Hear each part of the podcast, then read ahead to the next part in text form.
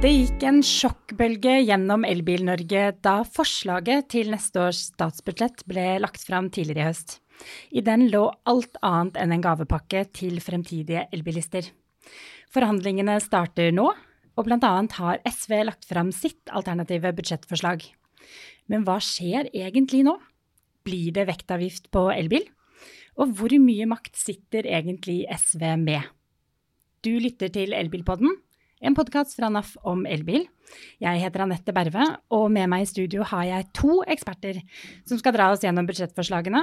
Eh, det er vår egen myndighetskontakt, Tor Egil Brådland, velkommen. Tusen takk. Og for å sørge for at vi har en stemme utenfra, så har vi fått besøk av Aslak Eriksrud, som er kommentator i TV 2. Velkommen til deg. Takk for det. Vi starter med gjestene først. Eh, da lurer jeg rett og slett på, kom budsjettforslagene som var knyttet til da, alle disse nye elbilavgiftene, som, et, som, en overraskelse? Ja og nei, vil jeg si. Eh, det lå litt i kortene at eh, det skulle komme en momsdel, en momsbit på, på biler over en viss størrelse eller en viss sum. Så det ble jeg ikke overraska over. Kanskje litt mer overraska over at det kom noen, noen nye avgifter eller en sånn vektkomponent eller en vektavgift som ble, ble, lagt på toppen av dette hele. Så totaliteten kanskje litt overraska, ja. Men vi må også lese dette her som et utgangspunkt for forhandlinger. Mm. Tor Egil, ble du overrasket? Jeg ble overraska fordi uh, Stortinget og regjeringen har jo et mål om at innen 2025 så skal alle nye biler være nullutslippsbiler, og i Norge så er det i praksis elbiler. Og Det regjeringa har gjort, er å komme med fire innstramminger egentlig på, på elbil. Det, det, ene er at de øker bompengegrensen. Du kan si I dag er det ikke lov for byene og langs landeveien å ha mer enn 50% sats på elbilene enn du tar fra en bensin- og dieselbil. Den økes nå, i hvert fall foreslått økt, til 70 så er det økt omregistreringsavgift på, på, på brukte elbiler. I dag er den 25% av en bensin- og dieselbil. Nå eh, foreslår regjeringa at den skal bli 100% Det er sånn 6000-7000 kroner for å bare kjøpe en brukt elbil på toppen av, av, av regninga. Så kommer jo um, det momsforslaget som, uh, som Aslak nevnte, som, som er, altså du innfører moms på alt av kjøpsummen over 500 000. Så det betyr at hvis du kjøper en elbil, ny elbil til 700 000, så er det moms på de siste 200 000 som gjør bilen 50 000 kroner dyrere. Men så kommer det mest overraskende alt, og det er jo den nye vektavgiften. Som i og for seg gjelder alle nye biler, men, men, for det første så er det jo nesten bare elbiler som selges nå nye, så det er jo i praksis en elbilavgift. og I tillegg så er jo elbilen ofte mye tyngre enn bensin- og dieselbiler. Så det en sånn vektavgift uh, som de foreslår nå, på 12,5 kroner kiloen, uh, av alt over 500 kilo, så vil jo den slå mye hardere ut for en elbil enn for en bensin- og dieselbil. Så det, det, er, en, det er, en, ganske sånn kraftig pakke de har levert, regjeringa. Ja, for den vektavgiften, den NAF har regnet på at den kommer til å gjøre en gjennomsnittlig elbil sånn rundt 20 000-25 000 kroner dyrere. Mm. Men kommer, hvorfor kommer alle disse forslagene nå? Ja, Det kan Aslak kanskje svare enda bedre på, men, men jo, de har jo lenge snakka om at dette er et stramt budsjett, og de trenger hver eneste krone de kan få tak i for å få regnestykkene til å gå opp. Utgiftene på statsbudsjettet vokser, spesielt med strømstøtta, som er mange titalls milliarder kroner som går ut. og Det betyr at de må finne penger inn et annet sted. og Da jo, har jo bilen egentlig vært et sånt ynda skatteobjekt i mange mange år, men med elbilen så kom jo den avgiftsfrie bilen, og det regimet nå er på ferd med å snu igjen. sånn at Elbilen er i ferd med å bli den nye bilen, og dermed så skal den også skattlegges. Det er på en måte logikken, tror jeg. Hva kan dette ha konsekvenser for elbilsalget, tror du, Aslak? Ja, det vet ikke jeg meg rette person til å svare på. Det må du høre med noen bil, eller eksperter på salg av bil.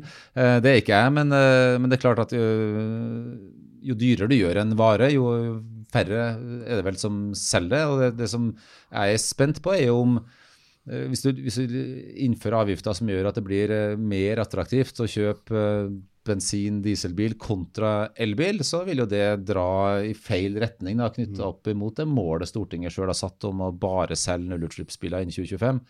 Men uh, samtidig, som Tor Egil sier, så er det jo også et behov for å hente inn penger. da. Uh, Regjeringa har hatt et veldig behov for det, og i Finansdepartementet så liker de jo ikke denne type uh, avgifter som skal ikke være der bare for å hente inn penger, men som skal være der for å endre atferd. Mm. Problemet med adferd, avgifter for å endre atferd er jo at hvis folk faktisk gjør det du ønsker at de skal gjøre, så taper staten veldig mye penger. Mm.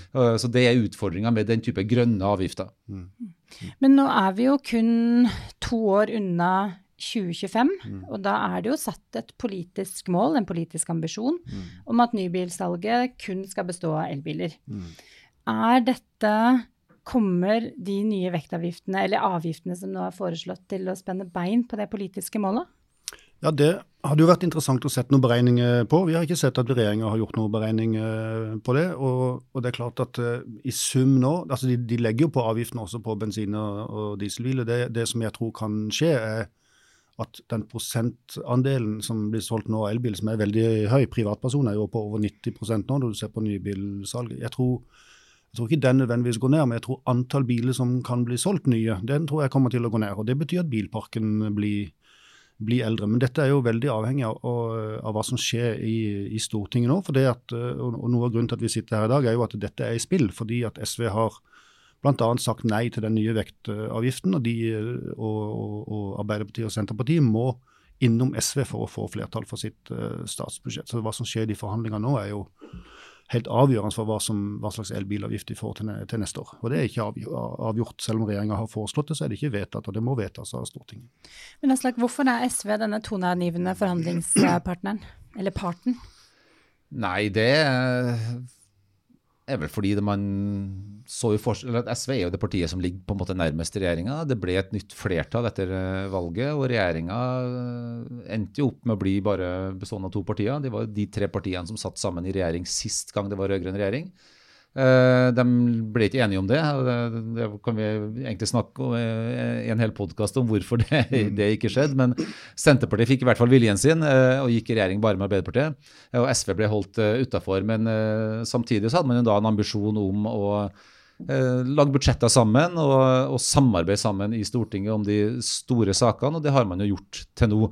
Men regjeringa trenger jo ikke å ha med seg SV. De kan jo lage flertall med mm. andre partier. Men det enkleste er nok uh, å finne sammen med SV. Og, de, og, det er jo et slags skjebnefellesskap der også. De gikk jo til valg på å skifte regjering, få ut den borgerlige regjeringa, få inn en, en rød-grønn regjering. Uh, og sånn sett så, så, er SV da å se på som en sånn slags konstruktiv uh, budsjettpartner mm. for regjeringa, og vil jo også få en del igjen da, i politisk gevinst ved å lage budsjetter da med regjeringa. Så SV har posisjonert seg i en, også en sånn god posisjon, selv om de da ikke eh, klarte å komme inn i regjering og sånn mm. sett styre landet fra dag til dag. Men ser vi her også litt ulike profiler som i så fall møter hverandre? For SV har jo en tydeligere klimaprofil eh, enn f.eks. Eh, Senterpartiet. Eh, kommer, hvordan kommer vi til å se det i forhandlingene, Tor Egil? Jeg tror at SV står i en indre spagat i dette også. Fordi eh, SV har både en rød og en grønn eh, profil som de prøver å si, faglegge så godt de kan, eller bruke fagene så godt de kan. og det, det er klart at, eh, at en uh, høyere avgifter på, en, på en, det som er en utslippsfri bil, iallfall når den kjører på, på veien, er, sitter langt inne for de. Samtidig så er jeg ikke sikker på om hvis SV har 2,5 milliard kroner å bruke, som, som denne avgiften vil ta inn, hvis du skal fjerne den, så betyr det at du må kutte 2,5 milliard på andre ting. og det jeg pleier å si at Hvis SV har 2,5 milliard kroner, så er det ikke sikkert de bruker de på elbil. Eh, fordi at det er mange andre gode formål også i deres alternative eh, budsjett. Men dette er slags spesialområde, så jeg sender ordet straks videre til han. Ja, nei, Det er helt riktig som du sier. Um, skal du prioritere noe i disse forhandlingene, så må de pengene bli tatt fra et sted. Og da har jo du jobben med å prioritere inndekning på det. og Da må SV på en måte gi noe i en annen ende hvis de skal ha, ha, gjennomslag for det. og Det er jo det som er disse forhandlingenes eh, natur. og Hvis SV vil ha en bedre fordelingsprofil på budsjettet, en rødere profil, eh, så vil jeg nok tro at SV velger andre eh, saker og, si, og seire mm. og prøve å prioritere det, enn en elbil, som jo har en helt annen fordelingsprofil. Men de ønsker jo også en grønn profil, så jeg tror nok at SV ønsker å balansere dette. Mm. Jeg tror vi kan forvente at, det, at SV får en seier på også elbilområdet. Men i hvor stor grad og hvor langt man går, det er jeg jaggu ikke sikker på. Nei, for dette, det du, ikke sant, nybil er jo, det, De som kjøper ny bil, er jo ofte folk som har litt uh, penger, mens folk flest kjøper jo brukt bil. Det er jo det mest vanlige bil, bilsalget vi har. Og den, det Forslaget om å øke en, uh, si, den om, omregistreringsavgiften fra hva er det nå, på en 1500 kroner eller noe, noe sånt, opptil 6000-7000, det vil jo treffe, sånn sett treffe folk flest mye bedre enn det å, å kutte i nybilavgiftene. Så Det er jo en mulig tolkning av det du sier da, Aslak. Absolutt. Men jeg lurer på om jeg kan slenge meg på et spørsmål også, Anette. fordi jeg, jeg lurer på din vurdering, eh, Aslak, av at i SV nå så er jo den sjefsforhandleren til SV hun er ute i mammapermisjon, Kari Elisabeth Kaski, mens det er Torgeir Knag Fylkesnes, som er partiets nestleder, som skal lede disse forhandlingene nå. Hva tror du det kan ha bety for utfallet av forhandlingene og måten forhandlingene pågår på?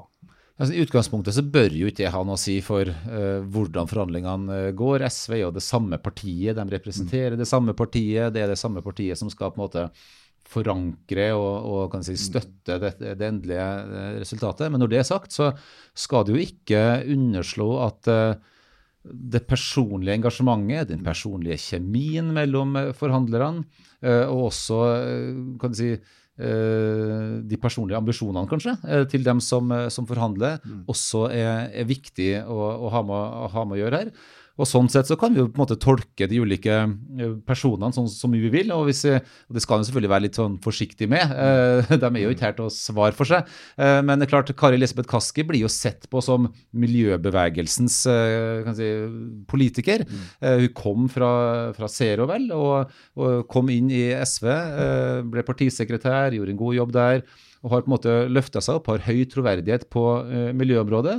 Mens kanskje Torgeir Knag Fylkesnes da er en politiker som i større grad vektlegger fordelingsprofilen, kamp mot forskjeller, urettferdighet. Mm. Eh, det, så I den grad vi skal lese noe ut av det, det skal vi være veldig forsiktige med. Men du skal ikke underslå at det kan ha noe å si. Mm. Det er også to politikere som kanskje da, eh, aspirere til å overta som mm. partileder i, i, SV. Og Da må vi også se det inn i, i, dette.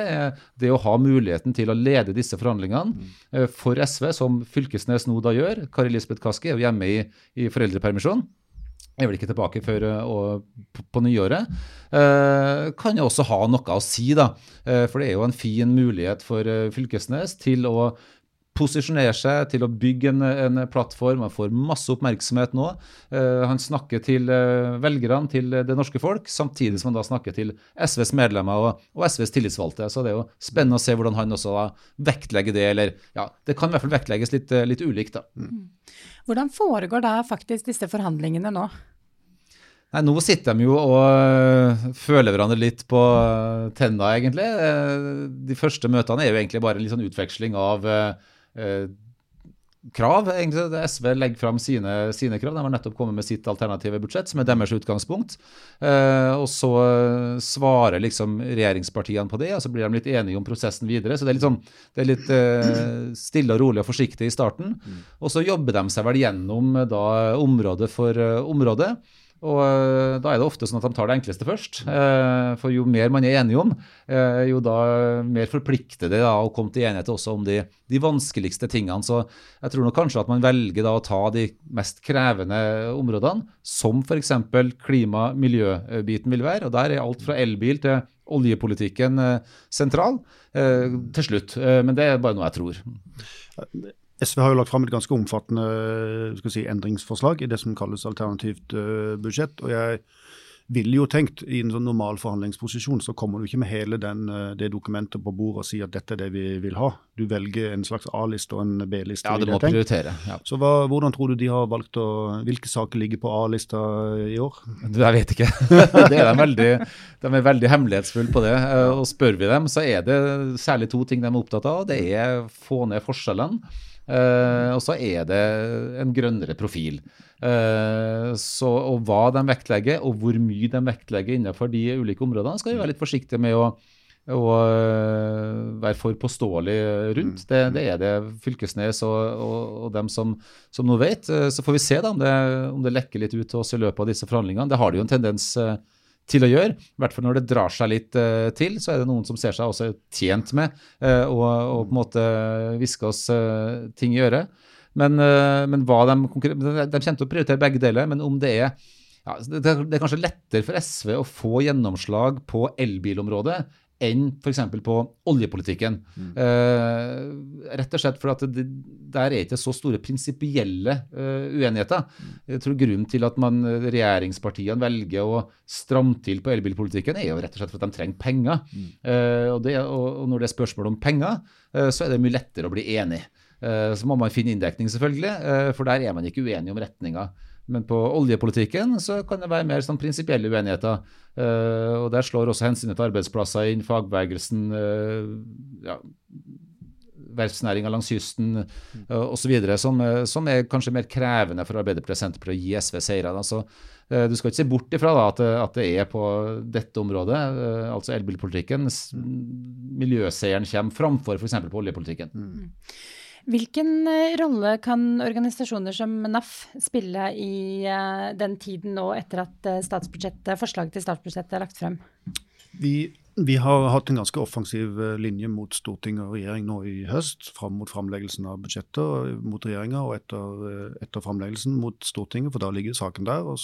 det, vi, si, vi, leverer to ting. Det ene er politiske standpunkter, altså hva vi mener regjeringa bør gjøre. Men vi er også opptatt av at vi leverer gode gode fakta, sånn at eh, storting og regjering har, eh, har et ordentlig grunnlag å ta, ta, avgjørelsene på. Så Det er de to linjene. Og du kan si etter hvert som, som forhandlingene spisser seg til, så glir vi mer og mer over på fakta. fordi at det, det er på en måte forutsetter vi at våre posisjoner, altså NAF sine posisjoner i, dette her er kjent. Så vi, vi trenger ikke å, klore ned dørene for å repetere det, for det vet vi allerede om. Men det vi, det vi trenger å levere da, er jo på en måte konsekvens av den politikken de sitter og forhandler om. om, vi, om hvis vi har noe kunnskap om det, så kan vi, kan vi være viktige eh, underlagsleverandører på, på, sånne ting. Sammenlignet med tidligere år, tidligere statsbudsjetter, mm. hva sier magefølelsen din deg nå om uh, at NAF blir hørt? Nei, jeg har, jeg har, ikke noe god magefølelse på bilfeltet. så jeg, SV har jo også foreslått eh, en økning i drivstoffavgiften på én krone på bensin og to kroner på dieselen, som jeg syns er ganske radikalt i en tid hvor, eh, hvor diesel- og bensinprisen allerede er så høye som de er. Så du kan si Hvis det er det som er forslaget på å kompensere for økte elbilavgifter, framfor at du tar kampen om denne, for denne, denne vektavgiften, som er veldig veldig høy. Det er jo snakk om 2,5 mrd. eh, kroner. Så det vi, får Konsekvensen av det vil jo bare være en slags avgiftsspiral. At du liksom gir økte avgifter på bensin- og dieselbiler, så kan du gi økte avgifter på elbilen i, i lys av det, eller i, skyggen av det, eller som konsekvens av det. for å opprettholde, eh, og likevel opprettholde elbilens konkurransedyktighet. Så Det syns jeg ikke noe, noe om. men, men det, naturlig, eller det kan bli en naturlig konsekvens av at regjeringa og Stortinget trenger penger. Mm. At bilen da igjen på en måte blir den nye avgifts, elbilen blir den nye avgiftskua. og Det, det syns jeg selvfølgelig ikke noe om. og det er jo ikke noe det er, men, men, det er på en måte opp til Stortinget å bestemme. Vi, vi leverer, leverer, de konsekvensene av hva det skal, hvis, hvis det blir noe av. Hva er tidshorisonten vi snakker om uh, nå? Forhandlingene er i gang. De sitter på, på bakrommet og prøver å finne ut av hvor, uh, hvor, de kan flytte på seg. Når er det vi vet hva som faktisk blir utfallet? Skal vi se, det, De fristene som er satt, så er vel at eh, komiteen, finanskomiteen skal avlevere sin innstilling 25.11., hvis jeg husker riktig. Mm. Og så skal budsjettet debatteres i salen 1.12. Uh, og da må i så fall disse forhandlingene være ferdige i god tid før det. sånn at uh, Tre dager før det, tenker jeg. Ja, sånn at de andre partiene får lest det og skrevet sine merknader osv. Hvis de skal gjøre dette veldig formelt og riktig. Uh, men det går jo som oftest på litt på overtid. Og man trenger jo ikke å, å følge alle disse fristene. Og man kan utsette disse fristene litt. Og det er jo heller ikke uvanlig at man forhandler nesten ganske tett opp til um, saken skal opp i stortingssalen, og bare legger liksom, budsjettforslaget på levere det til presidenten ved møtets start, og, si, og så kjører man i gang eh, en, en forhandling. Så uh, jeg regner vel med i månedsskiftet, uh, i hvert fall november-desember, hvis vi sier litt sånn, pluss-minus uh, noen dager her og der, så tror jeg nok at vi skal ha fasiten. Og Det er jo en veldig spesiell, pikant situasjon, vil jeg si. fordi at det betyr at folk som venter på en ny elbil og ikke får den levert før over nyttår, de vet ikke hva slags avgifter de får på elbilen før i månedsskiftet november-desember. Kanskje enda senere det, hvis forhandlingene blir utsatt. Og I Norge er det jo sånn at avgiften på, på, på, bilen din den gjelder den dagen du får den, ikke den dagen du bestiller den. Og Vi har jo nå eksepsjonelt lange ventelister på, på elbil pga. krigen i, i, Ukraina. og Ukraina er jo en del, blant annet en sånn ledningsleverandør til mange, mange elbiler. så det Det gjør at, at folk som står på ventelisten nå for elbil, aner ikke før, før om en, flere uker nå fra nå, og ganske nærme nyttår, hva slags avgifter de får på den bilen som de har bestilt. Ja, og det, Et av budskapene NAF har hatt tidligere, er jo at det skal være forutsigbarhet på bilavgifter, mm. og at en avgift innføres helt på slutten av året med, og skal ut i effekt allerede rett på nyåret. Det, da går det fort i svingene. Da går det veldig fort i svingene, og det, det er grunnen til at vi ikke har lagd så mye bråk rundt den momsendringa, for den ble varsla allerede i mai i revidert statsbudsjett. Da sa eh, SV, Ap og Senterpartiet at vi innfører en moms på alle nye elbiler fra, altså på kjøpssummen for 500 000 opp. Og Det har nå regjeringa levert på, så det kommer til, og det er jeg helt sikker på kommer til å bli vedtatt. Det er ikke noen grunn til at ikke det skulle bli vedtatt. Mens den vektavgiften den fikk vi vite om 6.10 i, i, i høst. Den kom helt overraskende på, eller skal vi si veldig overraskende på, det var veldig lite varsler for å si det sånn, i, i, i mai. Så det, den, den, måten der å gjøre det på syns vi ikke noe om. Mm. Helt avslutningsvis så er det jo én uh, ting til vi setter, sitter og venter på i spenning. Det er jo regjeringens ladeplan. Den har jo vært mm. varslet uh, veldig lenge. Skulle mm. blitt lagt fram i løpet av høsten. Høsten uh, føler jeg vel kanskje begynner å, begynner å nærme seg slutten. ja. Vet vi noe mer om når det legges frem, Tor Egil? Nei, vi gjør ikke det. Jeg har snakka med departementet senest i denne uka, og de sier at de prøver å rekke det før nyttår, men de kan ikke garantere noe som helst. Det er en liten diskusjon, tror jeg, internt mellom eh, Klimadepartementet med Barth Eide og samferdselsministeren ved Nygård, som, som er at det er noen, noen diskusjon der som jeg ikke jeg kjenner innholdet i. Men jeg vet at ikke, de, hadde det vært en litt smal sak, så hadde de lagt det fram uh, allerede nå. Nå skal Stortinget diskutere enklere lading den uh, 22. Eller si det var en høring på en forslag om enklere lading den 22.11. Så da kan vi kanskje få et lite eh, altså I og med at regjeringa er så forsinka, så kan det bety at den debatten der kan bli litt interessant for hvordan regjeringa også velger å utforme sin politikk, i og med at planen antagelig kommer etter at Stortinget har diskutert hvordan lading kan bli enklere.